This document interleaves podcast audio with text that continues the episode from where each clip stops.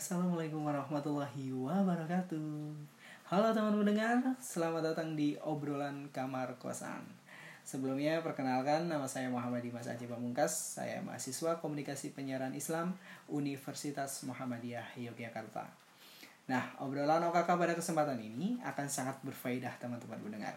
Buat kalian yang sedang belajar atau tertarik dengan bidang jurnalistik Tentu ini akan menjadi informasi yang cukup penting. Apa itu? Yap, kamar kosan pada kesempatan ini adalah tentang etika dalam jurnalistik yang terdapat dalam buku Etika Komunikasi di Era Cyber yang ditulis oleh Fajar Junaidi. Langsung aja nih.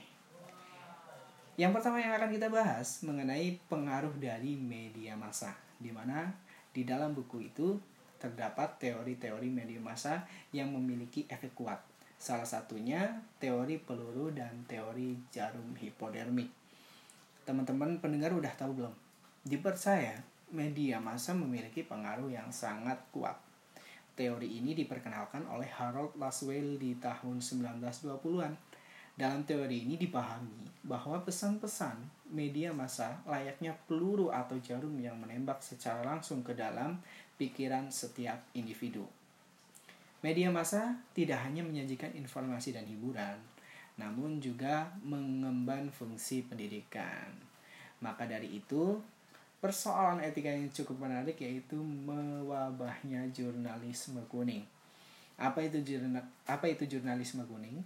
Jurnalisme kuning diasosiasikan diasosiasikan dengan jurnalisme yang mengedepankan judul berita yang bombastis atau kalau saya nggak salah nih kaum milenial biasanya menyebutnya dengan clickbait yang padahal isinya biasa aja atau bahkan mungkin tidak sesuai. Hmm, mengecewakan ya teman-teman.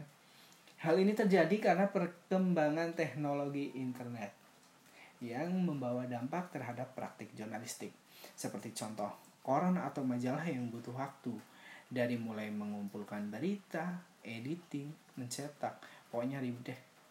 Nah, teknologi digital menawarkan perubahan baru dalam praktisi praktik jurnalisme, yaitu menayangkan media online yang berbasis internet. Hal ini tentu dapat menyingkat waktu teman pendengar, menyingkat waktu teman-teman pendengar. Dengan ini, jurnalis bisa menulis kapan saja dan di mana saja, asal ada jaringan internet. Informasi yang dapat akan segera dipublish. Memang, kecepatan sangat penting di dalam jurnalisme ataupun bisnis jurnalis kritik akan tetapi akurasi juga harus dijunjung tinggi teman pendengar.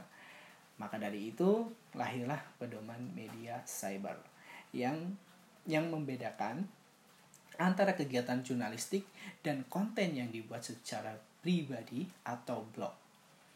Sedangkan kegiatan jurnalistik harus melalui verifikasi.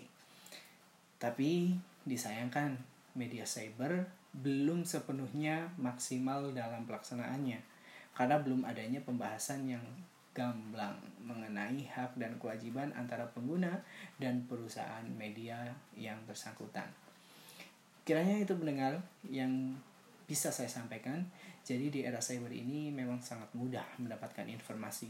Namun kita harus menyingkirkan informasi menyaring informasi dengan cara tabayun apa itu tabayun melakukan konfirmasi dan verifikasi agar tidak termakan berita hoax atau berita bohong.